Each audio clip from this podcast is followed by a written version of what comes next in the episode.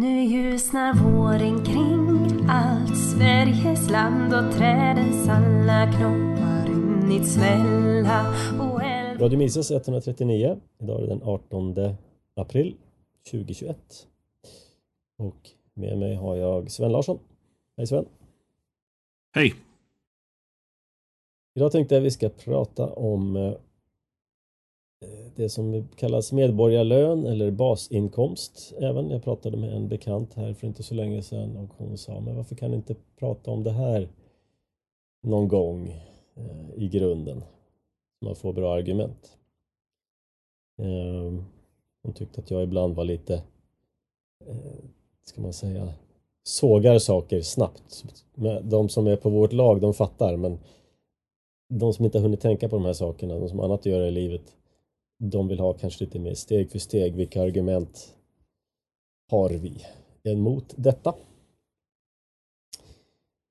Och eh, du och jag har ju varit och lekt och trollat lite grann i några sådana här basinkomstgrupper. Ja, just det. så, så, vi vet ju lite grann hur tankarna går. Hur tänker de här individerna som, som stöder det här? Jag, jag tror det finns ju grovt sett två, två typer av argument. Det ena det är den, det klassiska socialistiska argumentet om att eh, alla har rätt till ehm, att, att få sina behov tillgodosedda oavsett vilken insats de gör ehm, själva. Det är det klassiska marxist, eh, marxistiska argumentet baserat egentligen på, på om man ska vara hårdrare lite grann på klassi, klassisk marxistisk eh, arbetsvärdeteori. Jag behöver inte gå in på detaljerna i det, men det, det har alltså djupa rötter tillbaka till mitten på 1800-talet. Eh, I den moderna formen så handlar det helt enkelt om att, att eh, man har en, vad man här i, här i eh, Amerika kallar för entitlement mentality. Att, att alla har alla har rätt till, till vad, alla har rätt till vad de vill ha. Det är inte fråga om, då, om, om, om vad man eh, har för eh, nödvändiga behov utan folk har någon form av levna, allmän levnadsstandardsrätt. Eh, sådär. Så det är det ena argumentet, för det klassiska socialistiska. Det andra är, det andra är väl en mer pragmatisk, eh, ska man säga, någon slags socialkonservativ Um, socialliberal finns det folk som kallar det för. Idé om att det finns ett mer effektivt sätt att använda offentliga medel. Och det är, det, och det är att om man, om man tar bort eh, behovsprövning och, och sånt där från existerande välfärdssystem, eh, bidragssystem och bara betalar ut eh, ett fast belopp till alla så, så blir det mycket enklare och billigare att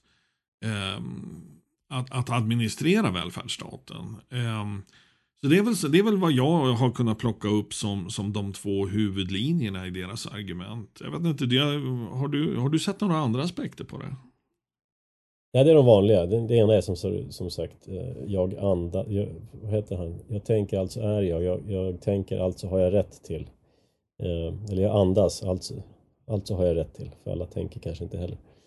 Eh, någon slags grundläggande mänsklig rättighet att få mat.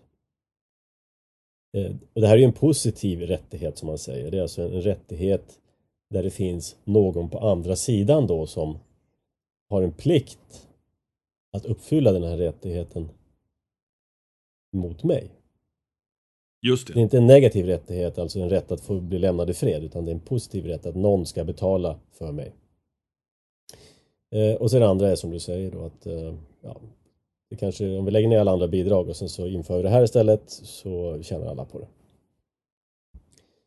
Eh, jag har, det finns en, en, en engelsk libertarian, Sean Gabb, han är eh, han eh, ans, vad heter det?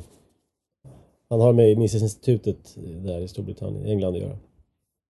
Och han har ju skrivit en artikel här förra året om ett, ett libertarianskt libertarianska argument för det här. Och vi kan gå igenom dem lite senare men eh, det är också en pragmatisk ställning han har. Hur, hur kan vi liksom få bort staten på lämpligt sätt och han menar att man skulle kunna göra det här då med, eller man skulle kunna minimera staten med hjälp av det här. Jag är skeptisk men eh, han, han har några argument här som vi kan titta på lite senare. Men huvudsakligen är det de två. Jag har rätt till och eh, det skulle vara effektivare. Ja, just det. Det, det. det är en bra sammanfattning tycker jag. Och det här är ju någonting som eh, talas om mer och mer och mer. Eh, och egentligen är det ju den naturliga konsekvensen av ett bidragssamhälle. Ja, det är det absolut. Det är det absolut. Och det, det är i um, Demokraterna här håller på och eh, försöker att rulla ut mattan för det här. Man har ju under, under förra året så betalade man ut eh, vansinniga bonuscheckar till folk som var arbetslösa. Så att när man, eh, om, om, man, om man går tillbaka och tittar på hur mycket arbetslöshetsersättning som har betalats ut per månad till arbetslösa över de sista, ska vi säga, tio åren ungefär här i, i, i, eh, här i USA så har Mm. eh, per capita arbetslös så att säga så har utbetalningarna legat någonstans mellan 300 och 500 dollar i månaden. Eh, när, bulken av, av statistiken pekar ner mot 300 där.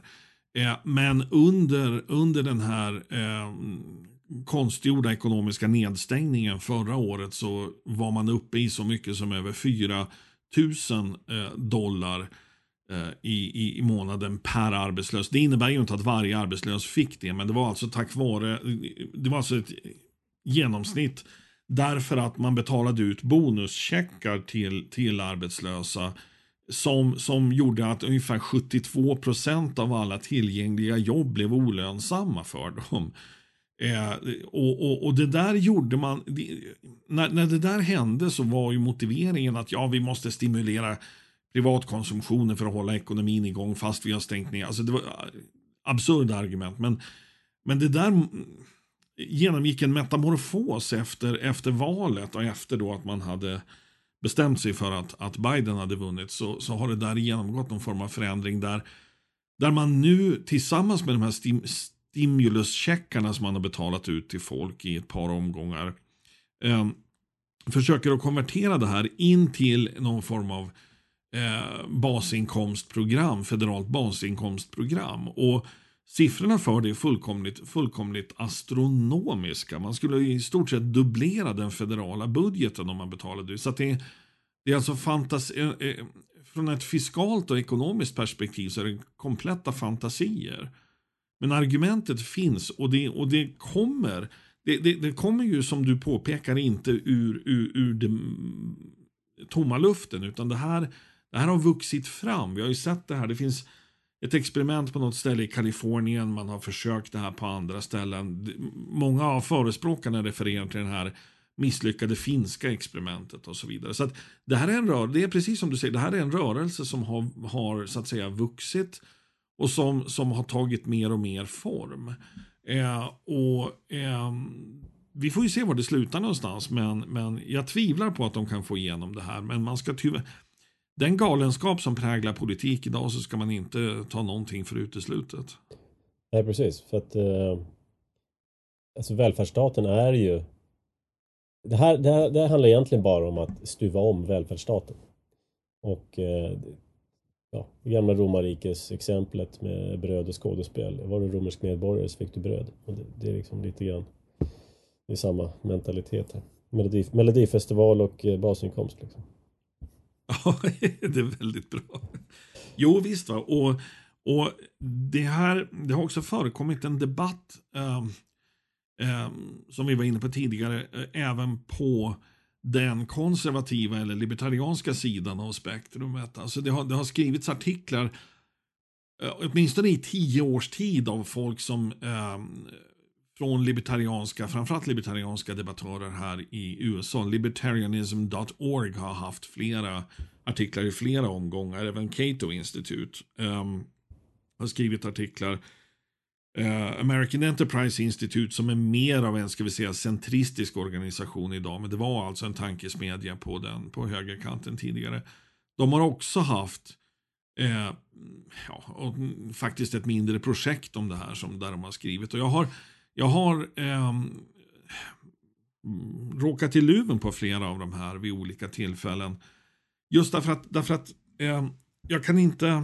Och det, det, det, det, var ett väldigt intressant exempel du tog upp med den här brittiske libertarianen. För han, han, han exemplifierar det här hur hur man å ena sidan har principen om att, att eh, vi ska minimera den offentliga makten och å andra sidan eh, eh, målet av att göra någon form av praktisk lösning av den befintliga offentliga makten.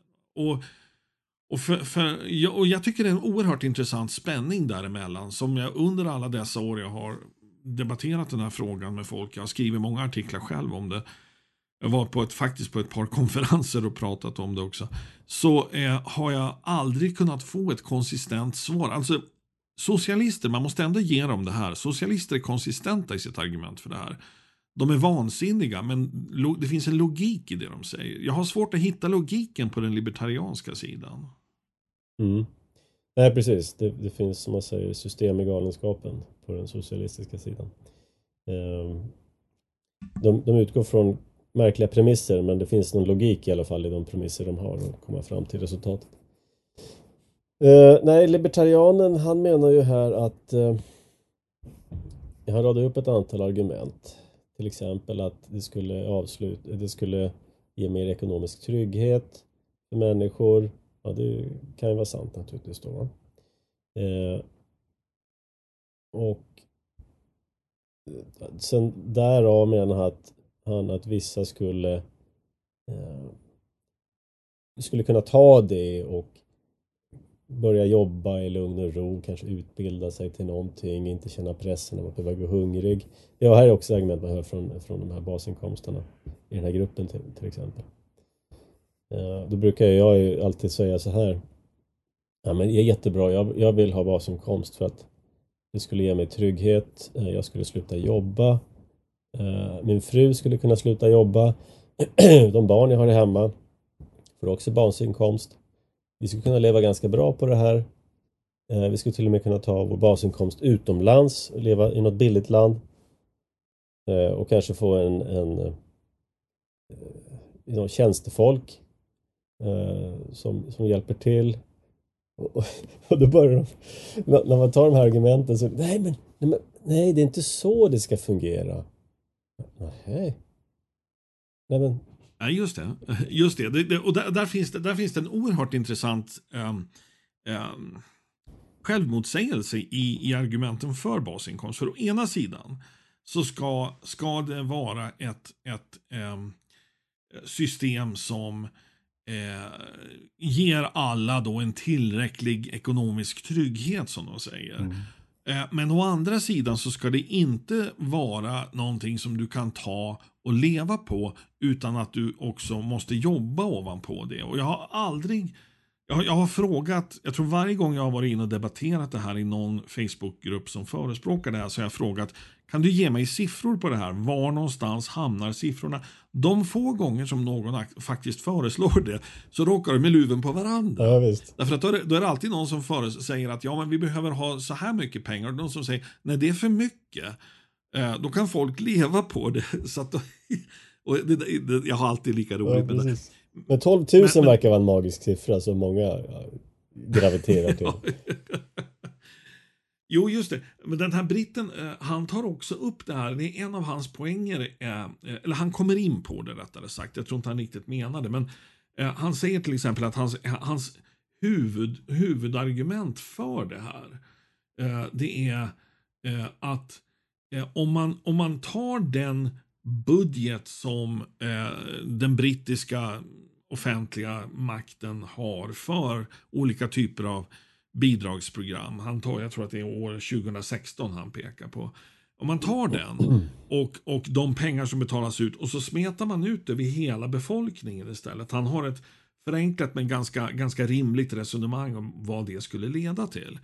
Eh, då, då behöver man inte betala ut mer pengar utan man har samma budget, säger han. Eh, och det där låter ju väldigt bra. Det är ett argument som jag hör ofta eh, därför att man, man menar att Eh, det ökar inte belastningen på skattebetalarna. Eh, det finns två premisser för att det där ska fungera. Det första det är naturligtvis att det inte, att som du också pekar på här, att det inte av eh, eh att det inte skapar incitament att, att dra sig tillbaka från arbetsmarknaden, det vill säga att det inte minskar arbetsutbudet eller sysselsättningen. Och det är naturligtvis, naturligtvis helt fel. Därför att lägger de det på den nivå de egentligen vill ha det så kommer ju det att ske som du påpekar. Och det andra, eh, och det betyder då att skatteinkomsterna minskar så kommer det ju faktiskt att kosta mer därför att de måste höja skatterna. Det andra, den andra premissen för att det här ska fungera det är att de som redan idag får de här bidragen de ska då acceptera en lägre bidragsnivå. Och där uppstår det ett problem som, som, som Eh, det här är ett problem som jag har brottats med även vad gäller, vad gäller den konservativa rörelsen här i USA. Att om du vill göra reformer på offentliga bidragsprogram som folk har gjort sig beroende av.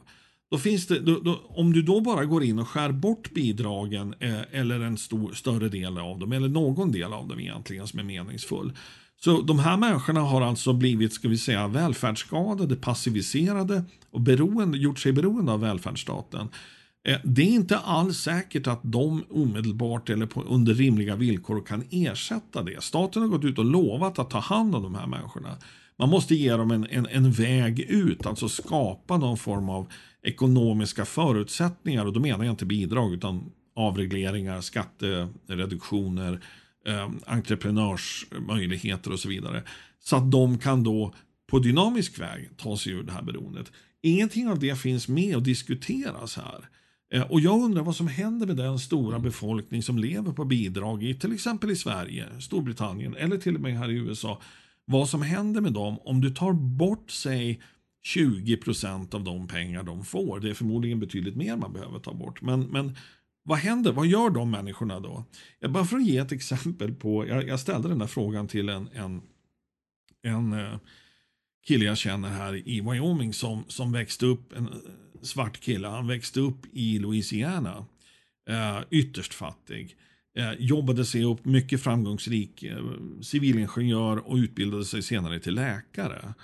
Ehm, eh, nu äger han en stor ranch här utanför stan, men eh, oerhört framgångsrik. Jag frågade honom en gång, vad skulle hända om man tog bort en del av bidragen i, de här, i det här området som han hade växt upp i? Han bara tittade på mig och sa, det skulle bli inbördeskrig. Och, och, och det, det, det, är den där frågan, alltså, det, det, är lätt att sitta och leka med de här siffrorna. För att, och, och, och, på något sätt skapa en hypotetisk lösning. Men vad är den praktiska sidan av det hela? Hur skulle det egentligen fungera? Mm precis det argumentet har jag gjort också och sagt att okej, okay, nu lever vi då i en, en slags demokrati här eh, och alla de här människorna har rösträtt. Hur ska du få igenom det här demokratiskt och säga att ja, nu ska vi sänka dina bidrag som du har och så ska vi ge dem till någon annan, till exempel den här farbrorn som har jobb här och jobbar. Han ska få en del av dina pengar. Eh, alltså det, det går inte demokratiskt genomföra en utjämning av den nuvarande liksom, budgeten i välfärdsstaten. Eh, så att det enda sättet att göra det här demokratiskt är att höja så att de som redan är, inte, de som redan har, inte förlorar någonting. Och de som inte har, de ska tjäna på det. Just precis, just det, exakt. Och, den, och, det, och det är precis den där aspekten, den där eh, eh, kopplingen mellan politik och ekonomi som jag tycker saknas i mycket av den här debatten. Va? Därför att du har dessutom den här frågan om eh, de människor som då förväntas fortsätta att jobba och betala skatt här. Framförallt folk med höga inkomster. Eh, även om man tänker sig att, att en majoritet skulle rösta för det här så den andra sidan av, av den demokrati vi har, det är ju att eh, folk kan välja hur, huruvida de vill fortsätta att jobba eller inte, huruvida de vill driva ett företag och huruvida de vill bo i det land eller den delstat som har genomfört det här. Eh, så att om vi tänker oss till exempel att Kalifornien skulle genomföra det här Eh, och höja skatterna ytterligare på folk som, som då eh, tjänar relativt bra. Vi har redan idag en exodus av, av folk med, med höga inkomster och företag från, från Kalifornien. Um, det, samma sak med Sverige. Om Sverige genomförde det här och var tvungna att höja skatterna, um, vad skulle då hända med skattebasen? Mm. Eh, de dynamiska aspekterna av det här är oerhört intressanta och de saknas egentligen helt i debatten. Tyvärr så tycker jag att den här libertarianen också eh, vår brittiske kompis här, jag tycker den här Sean Gabb saknar saknar den aspekten på Ja, för han tar också den här fantasiscenariot att ja, men vi tar det som är och så delar vi det jämnt. Ja, fast det kommer inte gå. Inte i, en, inte i en demokrati kan du inte göra så. Det går inte. För alla de här människorna har, även om man inte bidrar ekonomiskt så har man ju rösträtt. Tyvärr då. Och det gör ju att det här Ja, blir väldigt svårt att, ja, för att inte säga omöjligt att genomföra. Då. Ja, just det. Och och sen, men sen undrar jag också, det, det, det, för att gå över till den filosofiska sidan av det hela. Det här är en sak jag tycker jag, tycker, jag, tycker jag saknar det här även, även, även i hans... Alltså, det, när, man vill, när man vill genomföra den här typen av reformer som han diskuterar. Så tanken är alltså att få välfärdsstaten att fungera mer effektivt eller på något sätt att minska statsmakten. Men för det första, så man, rent, rent, rent fiskalt sett så minskar man det ju inte. Man betalar ut lika mycket pengar och det betyder i andra änden att man måste ta ut lika mycket skatt. Om vi antar att man skrapar bort lite administration ovanpå det hela, då kanske administrationen brukar ligga någonstans, administrativa kostnader brukar ligga någonstans mellan, vad är det, 4 och 11 procent beroende på vad det är, någonstans i den slängen vad gäller offentliga sektorn som man rimligen kan tänka sig att skrapa bort. Gör man det, går man vidare därifrån så brukar programmen fungera sämre. Det vill säga det är det programmet självt som kostar pengar. Den stora kostnaden är alltid att du sitter och betalar ut pengar till folk. Eller att du till offentliga sektorn har bestämt sig för att tillhandahålla sjukvård eller sådär. Så att eh, det är egentligen inte fråga om att minska storleken på statsmakten. Det är en fråga om att få den att fungera bättre. Och vad innebär det då att ha en libertariansk filosofi eh, och säga att eh, vi ska göra alla beroende av eh, statsmakten eh, istället för att några är beroende av den. Eh, det, det där är, jag, får, jag, får, inte det här att gå ihop från, från, från, en, eh, från, den, från den teoretiska sidan av det hela. Nej, eh, jag får inte heller det att gå ihop faktiskt. Eh, och där kommer vi in då på den här ehm, du nämnde det, att göra människor beroende. För det är ett annat argument som, som brukar framföras i de här grupperna då har jag märkt. Det är ja, men vi ska göra människor oberoende av politikerna. Alltså de ska bara betala ut. Och sen så har de ingenting mer med saken att göra. De ska inte göra några behovsprövningar. De ska inte kunna ta tillbaka det här. De ska inte kunna ditten eller datten då. Va? Men det är ju en väldigt naiv inställning till politik. att de inte skulle lägga sig i det här därför att eh, ja, alltså, du kan ju titta på den här föräldraförsäkringen som den heter i Sverige då. Eh, att det ens kallas försäkring är ju konstigt, men i alla fall. Den har ju villkorats på massa olika sätt. Det ska delas lika, pappamånader, hej och hå. Eh, man får alltså inte, man har betalat in det här som, som arbetstagare eller företagare. Och sen ska man då bara få tillbaks det här om man uppfyller eh, värdegrunden. Och varför skulle det vara annorlunda med den här basinkomsten? Ja visst, exakt. Och, och, jag menar, och då, ett motargument som förespråkarna då skulle lägga fram är att ja men det här är ingenting som du behöver kvalificera för, det får du i alla fall. Ja men då kan man jämföra med sjukvården.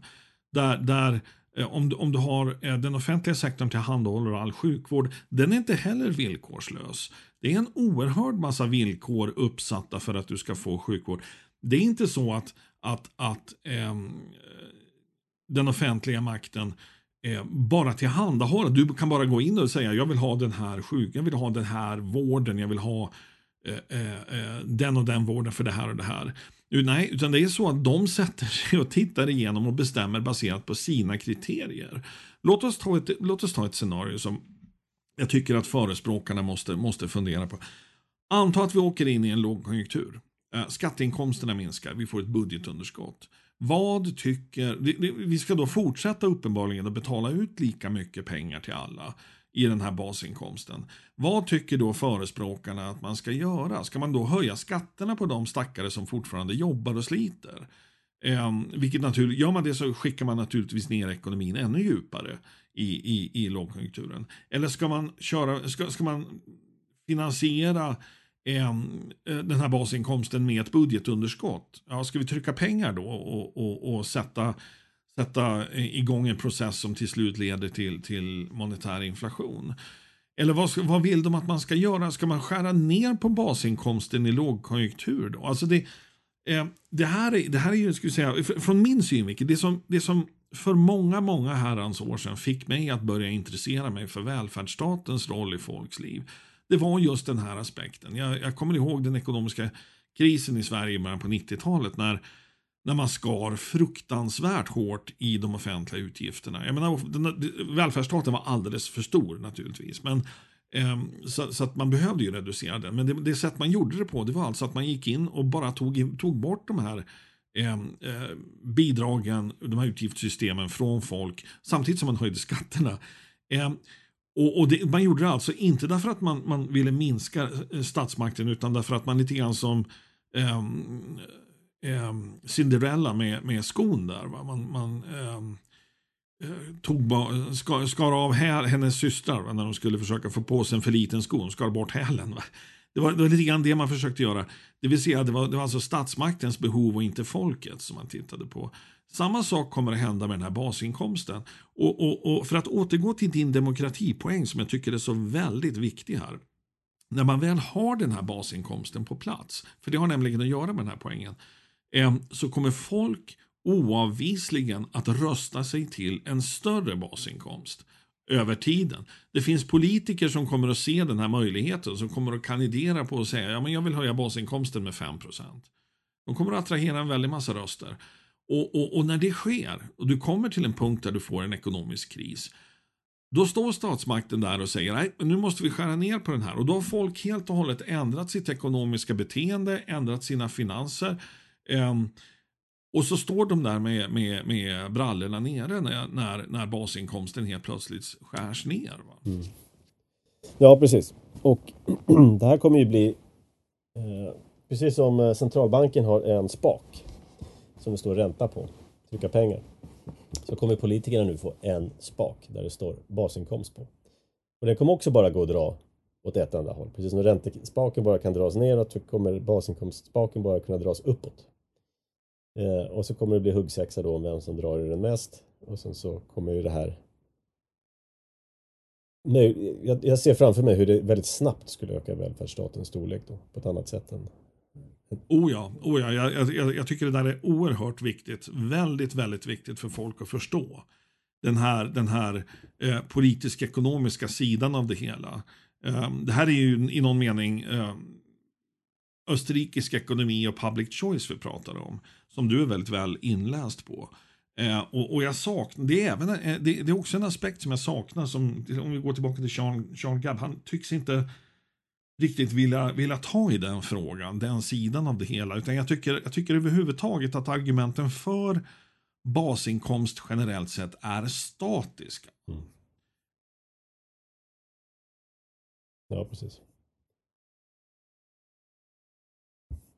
Jag skulle, jag skulle vilja se mycket mer av en dynamisk debatt där och jag skulle framförallt, framförallt så efterlyser jag från förespråkarna en en ordentlig analys av alla dessa aspekter. Det, det, det, eh, för, för, man brukar prata om det här exemplet från Finland. Där finns det faktiskt utvärderingar. Det finns artiklar skrivna som utvärderar det finska mm. exemplet. Nu var det så begränsat att den säga, demokratiaspekten och den politisk, politiska sidan av det hela fick aldrig något genomslag därför att man, gjorde, man hade en begränsad demografi och begränsad eh, tid inom vilket man gjorde det här.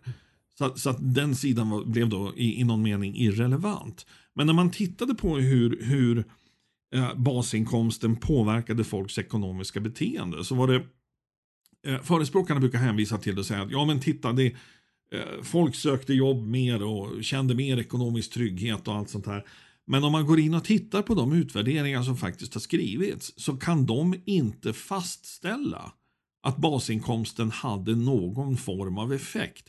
De säger eh, vi kan inte vi kan inte fastslå att basinkomsten eh, innebar någon meningsfull skillnad överhuvudtaget utan de beteendeförändringar som man ser kan man förklara av andra faktorer. Och det finska exemplet är alltså det som i någon, i någon mening var det som ur en vetenskaplig synvinkel var, var det, bästa, eh, eh det bästa hittills. Därför att, därför att man, man satte upp exemplet så att det skulle gå att utvärdera vetenskapligt efteråt. Och när man gör det så hittar man alltså ingen effekt av det. Däremot så, så, så eh, gav det ju i propagandistisk mening förespråkarna ytterligare någonting och, och, och, och så att säga vifta med. Mm. Om, om jag inte minns fel så var det finska exemplet, det är ju alltid det som framhålls då som den här framgången. Eh, fast det egentligen inte går att påvisa någon framgång.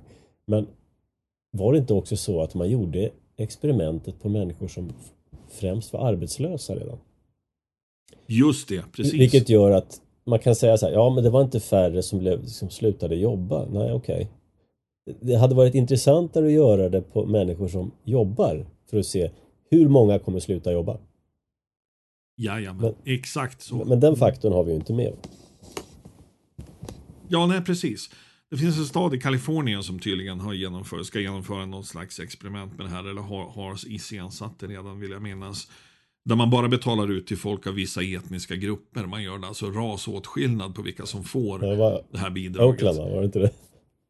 Ja, jag har för mig att det var det. Och det ska bli väldigt intressant att se hur det där eh, faller ut. Och hur, hur, för där, där ger man ju ut det även till folk som jobbar. Så där kan man få den, den variabeln med i det hela. Så det ska, det ska bli kul att se hur, ja, det, var, det, hur, var, hur det faller ut. Det var det experimentet där vita icke gör sig besvär, var det inte så? Exakt, det var precis så det var. Ja, det, det, det är ett rasåtskillnad, en rasåtskillnadsaspekt i det hela, ja, vilket jag tycker är ganska motbjudande. Ja, det, intressant. Det var ju det som Thomas Sowell, ekonom, svart. Han var ju kommunist en gång för länge, länge sedan, men sen så omvände han sig då. Han brukar alltid hävda att det som förstörde den svarta familjen, det var inte eh, slaveriet, utan det var välfärdsstaten. Det var den som löste upp eh, familjebanden, kvinnor var inte beroende av män, män behövde inte ta ansvar för faderskap och så vidare. Och det är liksom, när incitamenten upplöses för att hålla samman, ja det är klart att då upplöser ju familjerna. Ehm, och, och, och det här är ju en skala. Så fort du ger någon en krona för att inte jobba, då kanske någon hakar på. Och sen så ju mer du ger, desto fler hakar på och så vidare. Och, och, så är det med välfärdsstaten också. I början så kanske, för en litet bidrag så kanske det inte påverkar så mycket, men ju mer du gör desto mer kommer det att lösa upp familjer, samhällen och så vidare. Och det var det han menade då, det var det som pajade de, de, de svartas familjer. Att. Eh, ja visst, och, och det, där, det där hände ju i, i eh, andra halvan av 60-talet började det där med eh, president Lyndon Johnsons krig mot fattigdom. Vad det innebar bara att man, man förevigade fattigdomen. Det, det, jag har skrivit en hel bok om det där. Det, det, absolut, va? Eh, Thomas Sowell gör briljanta poänger. Och jag ska säga det här också om Thomas Sowell och hans, hans marxistiska bakgrund. Att, eh, han har skrivit några, om, om, man vill, om man vill läsa om och förstå marxismen som ett ekonomiskt system så har Thomas Sowell, början på 60-talet skrev han briljanta artiklar om det. Så att han visste vad han pratade om. Han förstod socialismen. Han förstod både dess teori och dess praktik. Um, och, och um, uh, Den här aspekten på att lösa upp familjen tycker jag är väldigt spännande att, att ta in i det hela. Uh, därför att um, det, det, finns, det finns studier, det är ett bra tag sedan jag läste dem nu, men det var nog när jag fortfarande var forskarstuderande. Jag läste studier om hur välfärdsstaten, bidragssystemen i Belgien hade skapat tre generationer av folk som helt stod utanför arbetsmarknaden och bara levde på bidrag.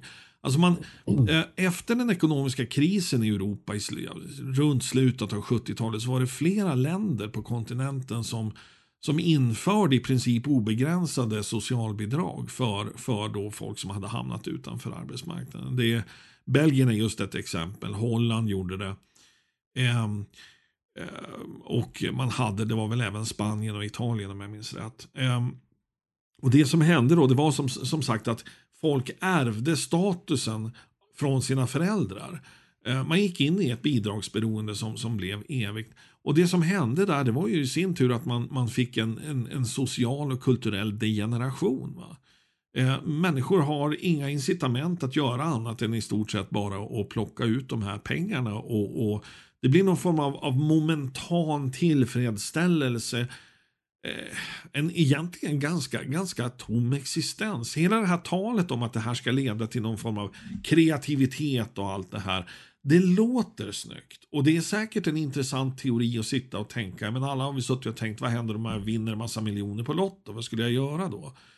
Eh, det är ju inte alls jämförbart därför att eh, här är tanken att folk ska, ska stiga in i det här eh, och, och, och, och anpassa sitt liv till en, en, en kontinuerlig existens av det här slaget. Eh, den stora massan av folk, jag, jag tror ärligt talat att det, det, erfarenheterna från de här från Europa under, under efter 70-talskrisen är det relevanta här. Det är det som kommer att hända, precis som Thomas Sol också pekar på. Man löser upp sociala band, man degenererar kulturen, man skapar en, en, en eh, tom passiv existens snarare än att folk ska gå ut och börja måla tavlor och fotografera. Mm.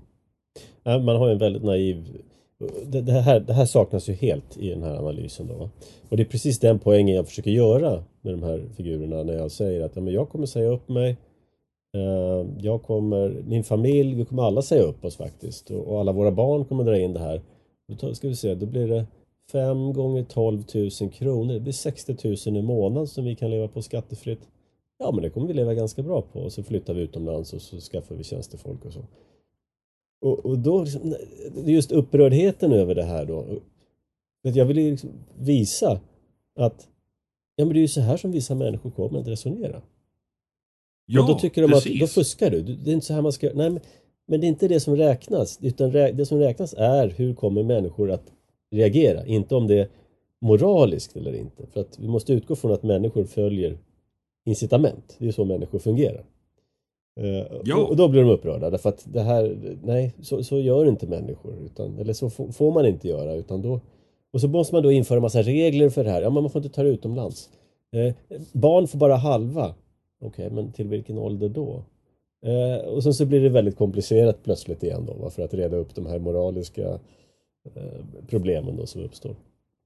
Ja, och jag kan, jag kan nästan sätta en slant på att en av de saker som kommer att hända när, när folk börjar bete sig precis som du förutser, det är att man kommer att göra om det här till någon form av, av, eh, kom, av, av universellt jobbskatteavdrag. Det vill säga du är tvungen att jobba för att få basinkomsten. Ja. Därför, att, därför att annars så förlorar man så mycket arbetskraft och så mycket skatteintäkter mm. att, att uh, hela systemet pajar. Mm.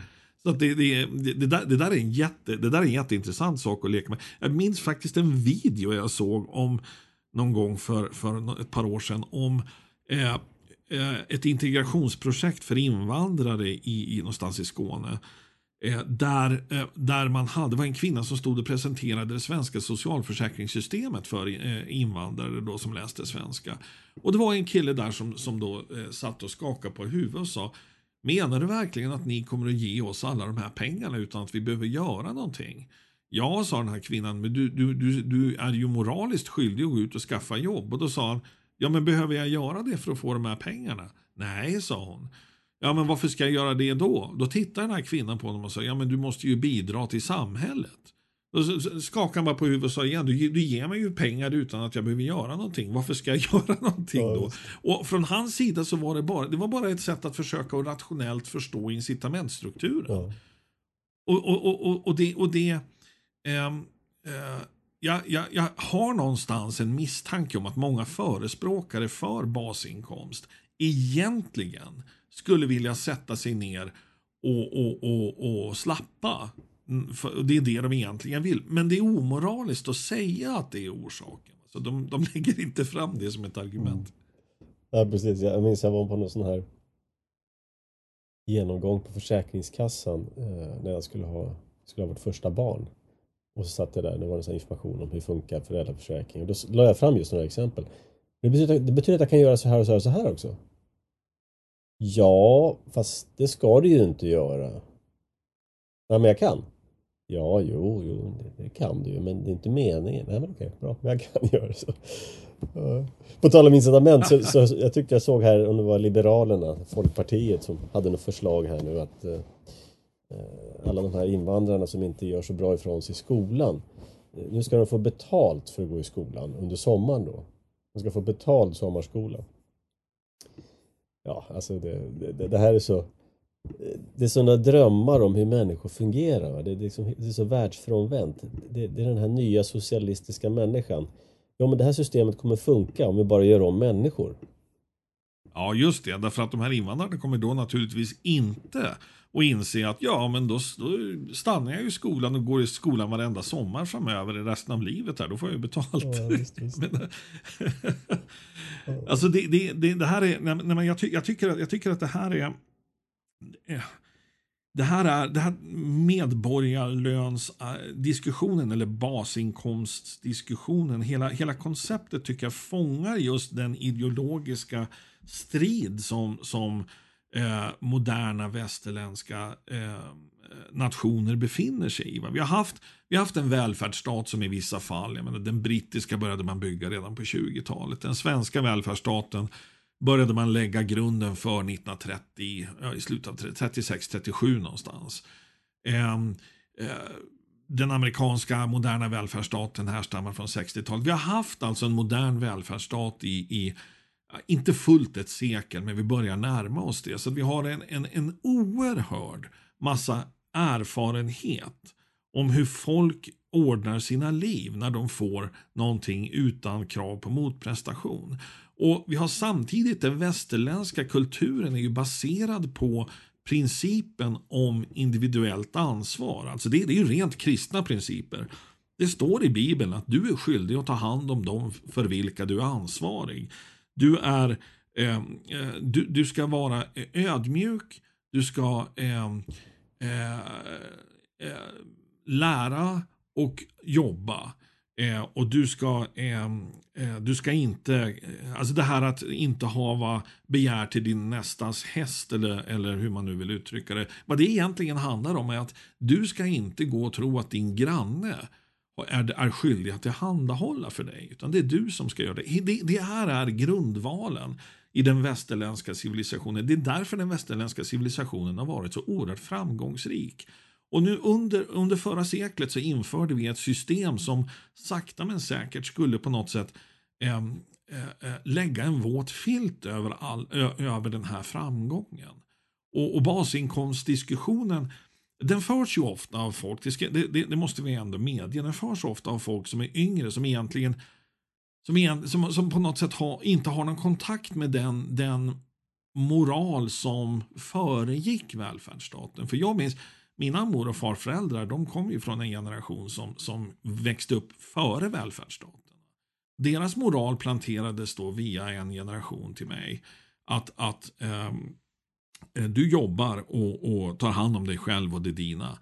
Eh, men, men det där har ju vattnats ur. I, i, och jag, jag kan ju själv, jag, menar, jag vet ju själv jag skulle, hur lätt det är man skulle kunna hamna på bidrag. Men eh, Tyvärr så har det där i många avseenden urholkats och eh, det finns en generation idag som inte har någon som helst kontakt med vare sig vår vill säga, moral före välfärdsstaten eller det största socialistiska experimentet i, i, i, modern tid, alltså det sovjetiska. Och Det gör att jag tror att de, de, de saknar perspektiv på vad det, vad det egentligen är de hanterar här. Mm. Ja, precis.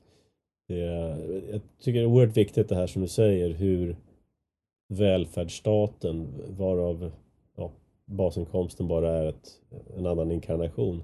Hur den korrumperar och eh, fräter sönder samhället och förändrar från en generation till en annan.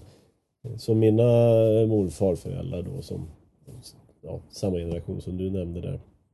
Där man byggde ett system som man tyckte att jo men det är klart att vi tar hand om dem som, som har det svårt. Det har varit svåra tider i Sverige och nu, har vi, nu bygger vi någonting här så att alla får en grundtrygghet.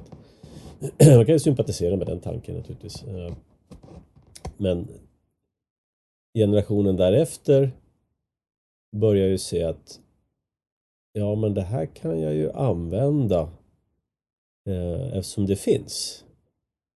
Ja, säger deras föräldrar, generationen. Fast det ska man ju inte göra för man har ju en, en, liksom en plikt att en stolthet ska man ju ha och en plikt att ta hand om sig själv. Ja, och sen så kommer deras barns generation, det är väl ja, min generation och generationen efter nu, som tycker att ja men det är klart att jag ska utnyttja det här om det finns. Ja det är väl min generation skulle jag säga. Om det finns så är det klart att jag ska utnyttja det. Och sen kommer generationen efter nu, den, den unga generationen nu då. då är det plötsligt en rättighet. Ja men det är klart att jag ska ha rättighet till gratis bindor för jag är tjej och det är klart att alla ska ha rätt till mat och eh, alla ska ha rätt till, till skor. Och jag hade en, en, en svägerska som jobbade faktiskt på eh, någon sån här om det var tings, ja, det var någon sån här juridisk arbetsplats. Hon, hon praktiserade där och eh, fick sån avsmak av det här för att hon handlade bidrag av olika slag och det var folk som, men mina min sons kompisar har en sån här Canada Goose-jacka och då ska han också ha en sån Canada Goose-jacka. Alltså, ja, det, det verkligen fräter sönder och korrumperar moralen och, och stoltheten i ett samhälle. Och det, och, och det här, det finns inte med i kalkylen här hos de som resonerar om det här. Utan de har en utopisk syn på vad människan, hur människan är. Ja, över, precis. Överhuvudtaget alltså det, så, så saknas just, just, just den här dynamiska, alltså hur, hur människan... För, det, det är intressant det här med konceptet den socialistiska människan. Det finns ju faktiskt, det är väl sociologisk och eh, moralfilosofisk litteratur från slutet, jag tror det var från 80-talet och någonstans i början på 90-talet. Eh, The Soviet Man. Va? Det fanns en debatt i en tidskrift som hette Social Philosophy and Policy. Den är nedlagd numera. Men, eh, där jag, läste, jag kommer ihåg jag läste många artiklar ur, ur det där eh, i samband med att jag, eh, jag skrev en C-uppsats i, i, i, praktisk filosofi för, ja det är väl 30 år sedan nu. Men, ehm, eh, just om hur ehm, eh, man, det, det, sovjetiska systemet skapade en speciell sorts människa. Där, eh, ehm, eh, där folk uppfostrades, inte nödvändigtvis av sina föräldrar, men av samhällets regler, normer, ekonomiska, sociala och kulturella incitament till att bli på ett, det sätt som staten vill ha. Läser man, det här tar jag upp i min bok också, Democracy or Socialism, att vill, för att få ett socialistiskt system att fungera så är man tvungen just att omstöpa människor. Man kan tänka sig, att, man kan tänka sig så här ungefär att du har en, en, en dörr som alla... För, för att du ska få ett bidragssystem att fungera om vi tar det från den sidan. Så, så, så, att det ska fungera så effektivt som alla säger. Så måste du ha en, en form som alla kan passa i. Det är som att du har en dörr som alla måste gå igenom. Och de som är för långa, då får vi kapa fötterna på dem så de kan ta sig igenom. De som är för breda, ja, och så vidare. Alltså att alla människor måste anpassa sitt liv till den struktur som, som, som den offentliga makten har skapat. Och, och det är ett Ehm, det är ett system som eh, just kräver, inte bara, inte bara eh, oavsiktligt utan kräver att man omstöper befolkningen. Det är faktiskt intressant när vi ändå pratar om Sverige och går tillbaks. Jag uppmanar alla att läsa Myrdalarnas kris i befolkningsfrågan. Därför att i den boken så beskriver de hur man är tvungna att omforma befolkningsstocken och befolkningsmaterialet. De, de använder bokstavligt talat de termerna. Mm. Och, och, och pratar om befolkningen som om så, som jag hör ranchägare prata om sina kor här, även om ranchägarna har mycket större kärlek för sina kor än vad Myrdalarna hade för det svenska folket. Va? Eh, men, men, men man pratar om det på det sättet. Och, och, och, och det är inte bara i, i, i någon slags makropolitisk aspekt, utan det gäller varje enskilt system som den offentliga makten skapar. Va? Den fria marknaden och kapitalismen, det som är så oerhört unikt och, och, och, och briljant med den fria marknaden och kapitalismen det är att där anpassar sig de som tillhandahåller någonting till vad det är de enskilda kunderna vill ha. Därför att de har ett direkt incitament till att varje kund får exakt vad han eller hon vill ha. Mm. Ja, precis. Eh, jag skulle vilja lägga till, när vi pratar om den här devolutionen av samhället, från de som, de som skapar systemet, de som kommer på att man kan utnyttja systemet till den generation som sen tycker att de har rätt till systemet så finns det ett fjärde steg skulle jag vilja säga och det är roffarstadiet. Eh, vad heter den här? Eh, allmänningens tragedi. Om inte jag tar så tar någon annan. Och jag har ju ändå kanske betalat till det här. Alltså, det sprider sig även det sprider sig till alla delar av samhället. Därför att om inte jag tar det här, då tar någon annan. Och varför ska jag jobba när, när, när inte de behöver och så vidare. Va? Så ett plundringsstadium på något sätt. Ja, men det, det är en jättebra poäng du gör där. Och, och, för att gå tillbaks till precis för att gå tillbaks till den svenska ekonomiska krisen på 90-talet. När, när, eh, man har när statsmakten har lovat för mycket och eh, den helt plötsligt måste börja eh, skära ner på sina löften. Då, eh, då blir det huggsexa och då, blir det precis, då, blir, då uppstår det alltså en akut knapphet där folk inte trodde att ingen knapphet fanns. Det vill säga i, i, i de offentliga utgifterna. För då, man tror alltid att staten har en ändlös kassa att ösa ur. Va? Men när den knappheten uppstår, då vänder sig alltså de som då har gjort sig beroende, blivit beroende av den offentliga makten, då vänder de sig mot varandra. Och då, blir, då kommer knivarna fram, bildligt talat, mm. till, till att börja med. Mm.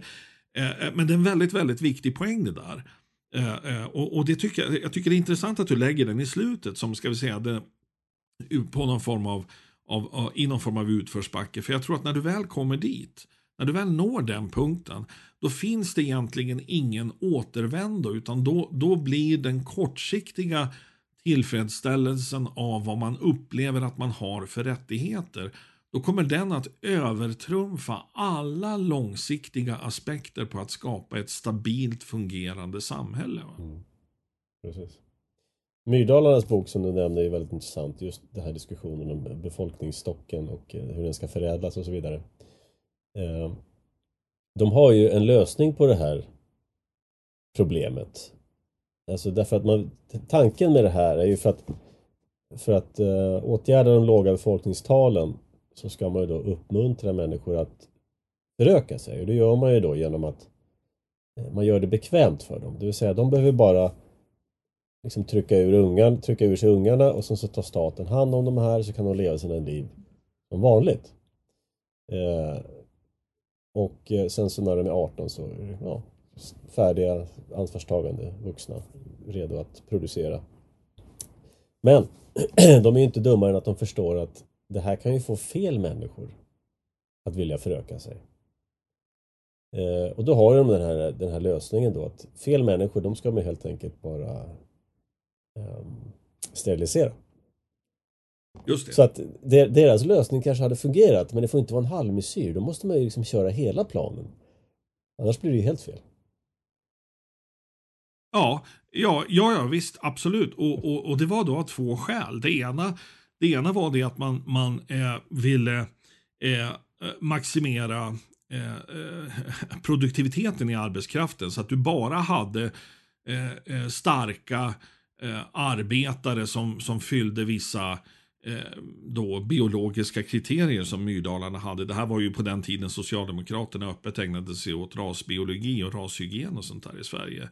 Eh, eh, det, så det var, det, det var den ena sidan. Den andra sidan var att man ville minimera kostnaderna för statsmakten. Man, ville, de, man, man säger att de som ehm, eh, då är vanföre som det hette en gång i tiden, de som har dåliga gener, de ska inte få, få reproducera därför att då kommer deras, deras barn att bli eh, eh arbetsodugliga och så får vi fler av dem. Så att, Eh, och det där är då, det där, där är kanske den, den, den smutsigaste sidan av välfärdsstatens, om man vill vara snäll, oförutsedda konsekvenser. Vi kan ju förutse dem, men, men, men om man ska vara lite snäll så kan man säga att det där är väl den sida som, som förespråkarna av välfärdsstaten och den socialistiska eh, doktrinen eh, eh, inte vill beakta eller helst undviker att prata om. Mm.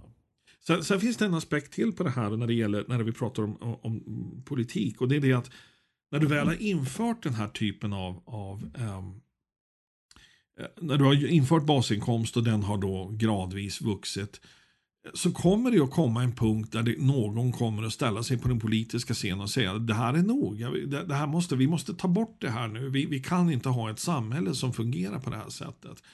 Och, och, och, och vad vi ser för tendens idag, det, det, det, det är en sida av det här som, som eh, eh, jag tycker är väsentlig att lägga till. att när vi, när vi kommer till den punkten, givet den politiska kultur vi har idag, och det, det finns ju i, i, någon mening även här i USA, det här att man, man ska förbjuda vissa åsikter. Man ska förbjuda vissa uppfattningar att framföras. Frågan är då, vad gör en statsmakt när den har gjort befolkningen beroende av eh, basinkomst, eh, offentlig sjukvård och allting sånt som de inte längre kan betala för. Och någon ställer sig upp och säger vi måste fundamentalt avskaffa det här. Kommer du då att komma till en punkt där man inför eh, eh, yttrandeförbud för att skydda de här systemen, för att slippa den obehagliga debatten. Alltså dagens politiska klimat skulle definitivt kunna leda till det. Och jag vet inte om det kommer att bli bättre i framtiden. Ja, men det är det vanliga. Att alla statliga misslyckanden, de, de förbjuds ju. Att kritisera invandring är ju hets mot folkgrupp och sådana saker. Att kritisera, eh, det ser vi ju. Allt som ja. misshagligt för statsmaskineriet, det förbjuds helt enkelt. Så det, här, det, det är jo, inte osannolikt att det här skulle förbjudas också. Kritik mot basinkomst, mot välfärdsstaten. Ja, det är det jag undrar. Alltså det, jag, jag, tycker just i förlängningen av det du säger om invandringsdebatten. Alltså det, det är ju lätt att ändra ska vi säga, den beskyddade gruppen från invandrare till att vara alla som får basinkomst i någon mening. Framförallt de som är då kritiskt beroende av den. Och det, det är ju, idag är det, kan du ju råka illa ut så att du inte får ett bankkonto till exempel va, om du inte uppfyller värdegrunden. Men klart att det kan bli av med din basinkomst om du inte uppfyller värdegrunden också. Det var en väldigt intressant aspekt på det hela. Just det, att man villkorade med, med att du, du är tvungen att skriva på ett dokument. Eller, eh, du kan bli förföljd på sociala medier eller, eller på din arbetsplats eller någonting sånt. Alltså det, jag, jag har ja, läst Kinesisk en... social credit score kan ju också kopplas till din basinkomst. Det är inte svårare än så. Ja, men det är, ett väldigt, det är ett mycket, mycket bra exempel. Därför att vad det innebär, om man tar det som ett exempel, jag, jag, jag, tror faktiskt att det är där vi skulle landa i så fall så skulle du kunna neka folk sjukvård. Det finns alltså förslag ehm, eh, som jag har sett i, i, i vissa mer extrema kretsar Eh, av, av, så kallade politiska tänkare på att när man väl har infört, och det här, det här då i USA, va? och när man väl har infört ett, ett socialiserat sjukvårdssystem här så ska man då kunna villkora det med att folk eh, ehm, eh just inte yttrar vissa åsikter. I det här fallet skulle det handla om att folk som äger ett skjutvapen inte ska, ska få tillgång till sjukvård och så vidare. Alltså den, den här tankegången att använda offentliga bidragssystem eh, Eh, eh, för öppet totalitära eh, eh, syften, den finns redan. Ja, men det är bara att titta på den här eh, vaccineringshysterin nu. Eh, det, det är många av de här starka förespråkarna menar ju att ja, men om inte du har vaccinerat dig, då ska inte du få sjukvård. Så att, det är alltså ett argument som finns i Sverige idag? Det, det, det argumentet har jag sett föras. Inte, inte från offentligheten ännu, men eh, från eh, många av de uppskrämda har jag sett det. Det, det, det, är ju, det, är ju, det är ju alldeles otroligt. Därför att eh, frågan som varje person som framför ett sådant argument ska ställa sig frågan Vill du ge den makten till din, uh, din mest avlägsna politiska motståndare. Mm. Uh, den där frågan, jag har haft den där debatten med yngre mm. familjemedlemmar som, som tycker att vissa åsikter inte ska få yttras. Uh, och då har jag sagt det att vem, eh, frågat om vem tycker du ska få definiera de åsikter man får säga. Ska Donald Trump få göra det? Och då ser de naturligtvis fullkomligt vettskrämda ut. Men, men, men det är alltså, det, och, det, och det argumentet har jag, jag vet inte om det biter, det kan man ju inte säga, men jag, jag har, har märkt att när man framför det, när man pekar på att varje maktmedel du ger statsmakten kan användas till din fördel och till din nackdel. Man tar i alla fall debatten till ett ytterligare ett steg då, därför att man tvingar dem att antingen se bristen på logik i sitt eget argument eller öppet säga ja men vi ska förbjuda alla andra åsikter, vi ska förtrycka mm. dem. Så att de, de tvingas liksom bekänna färg i någon mening. Det. Men det handlar ju om att hjälpa människor att förstå sådana här saker. Därför att det låter ju så bra. Ja, men det är klart att om man inte vaccinerar sig då är man en, en hälsofara. Då ska man straffas. Eh, eller om man säger fel saker så... Eh, alltså, de flesta människor har inte förmågan att tänka ut konsekvenser av det som låter så bra nu. Så det som du gör där, det är att liksom hjälpa dem. Okej, okay, det, här, det här kommer din, din, den nuvarande politiska regimens efterföljare som du hatar så hemskt. Eh, de kommer få det här vapnet. Värva det. Ja, just det. Ja. Ja visst, jag, jag kommer ihåg den här debatten äh, äh, började faktiskt här redan efter The Patriot Act som man äh, stiftade efter 11 september-attackerna. Där man skulle ge långtgående eh, övervakningsbefogenheter till vissa federala myndigheter. Och eh, det är eh, det där har ju visat sig att det, det har missbrukats. Det, den fråga som, som jag och andra ställde då var, skulle du vilja ha de här instrumenten i händerna på din, din, din mest formidabla politiska motståndare? Och jag tycker det är, Eh, det, det, är ännu mer kraftfullt att lägga det, det rastret över sådana här bidragssystem. Eh, allt från offentlig sjukvård till en basinkomst. Eh, ska, ska man... Eh, tror du verkligen att det går att skydda de här mot politisk åverkan? Därför att Politisk klåfingrighet handlar ju inte bara om att, att expandera och så att säga köpa röster med hjälp av de här programmen. Utan det handlar ju även, som vi har sett under den här så kallade pandemin här, så handlar ju, det ett oerhört starkt incitament.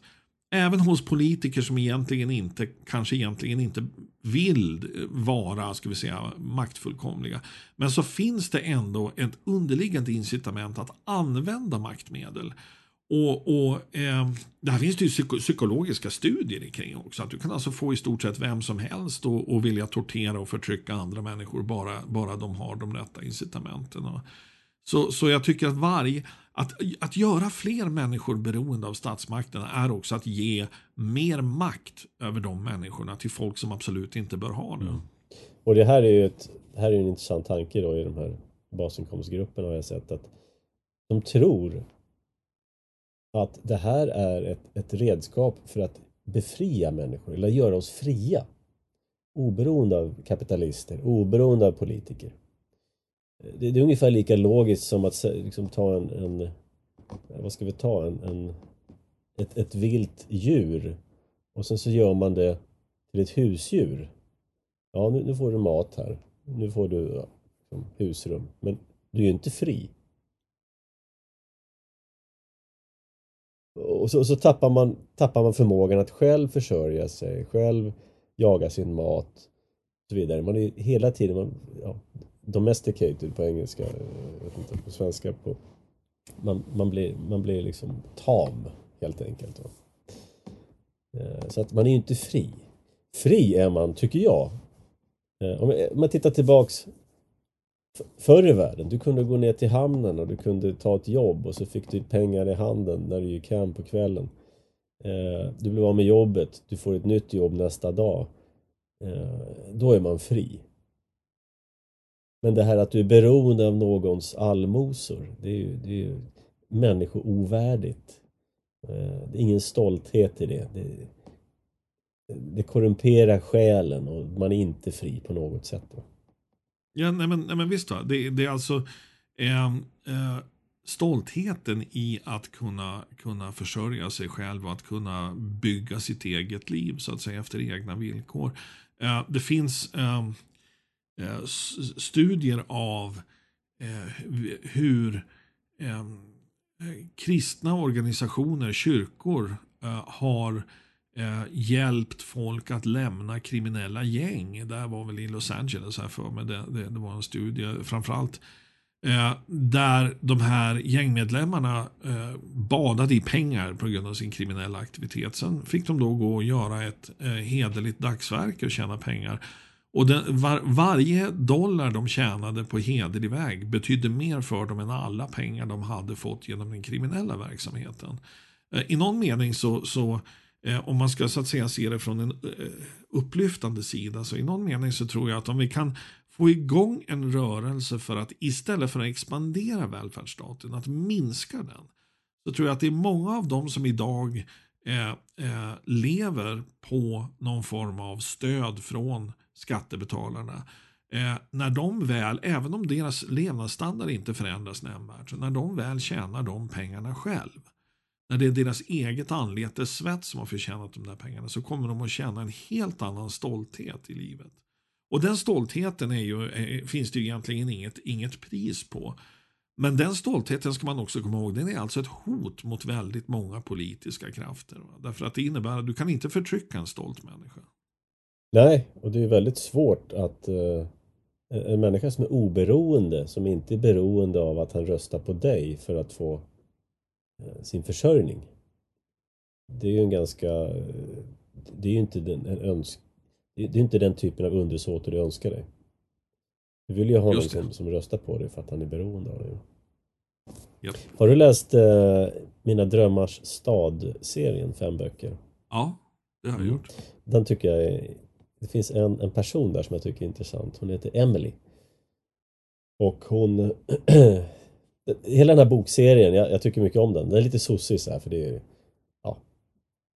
Så, men, men det är en härlig berättelseserie och Stockholm och sådär. Eh, men Emily, hon gifte sig aldrig. Eh, men hon hade en liten, en liten burk med sig. Och i den burken hade hon pengar till sin begravning. Eh, jag tror att vid något tillfälle så lånade hon ut pengar ur den här burken till någon. Men hela tiden hade hon den här burken med sig därför att hon skulle inte ligga någon till last. Inte ens i liksom livets absolut sista skede. Hon skulle minsann betala för sig själv. Det var hennes stolthet. Just det, jo jag kommer ihåg det där. Det, det, hon är väl, äh, för mig, huvudpersonen genom alla böcker. Ja just det, hon finns med i alla böckerna. Den enda faktiskt som finns med i alla böckerna. Ehm. Och, nej men eh, den mentaliteten, stoltheten är att inte ligga någon till last. Ehm, det, det, det var ja. de som byggde de här välfärdssystemen. Och... Jag byggde, byggde de väl, välfungerande eh, ekonomierna som man sedan la välfärdssystemen ovanpå. Så ska man, så ska man säga det snarare. Mm. Mm, vi har nog dryftat detta ämne, men för att sammanfatta då. Att basinkomst är inte frihet. Eh, du ger staten makt över din inkomst. Eh, som alla sådana här välfärdssystem. Det korrumperar samhället långsiktigt. Det leder obenhörligen till högre skatter. Eh, och eh, det kommer inte att gå att ta de välfärdsutgifter som finns idag och dela dem jämnt över samhället. Så att eh, nej, det blir tummen ner för det här. Ja, ja det blir det verkligen. Nu ljusnar våren kring allt Sveriges land och trädens alla knoppar hunnit smälla och älv och sjöar bryta isens band och muntert bäckarna i mossan kvälla. Det skimrar gult vid minsta dikeskant, det lyser violett kring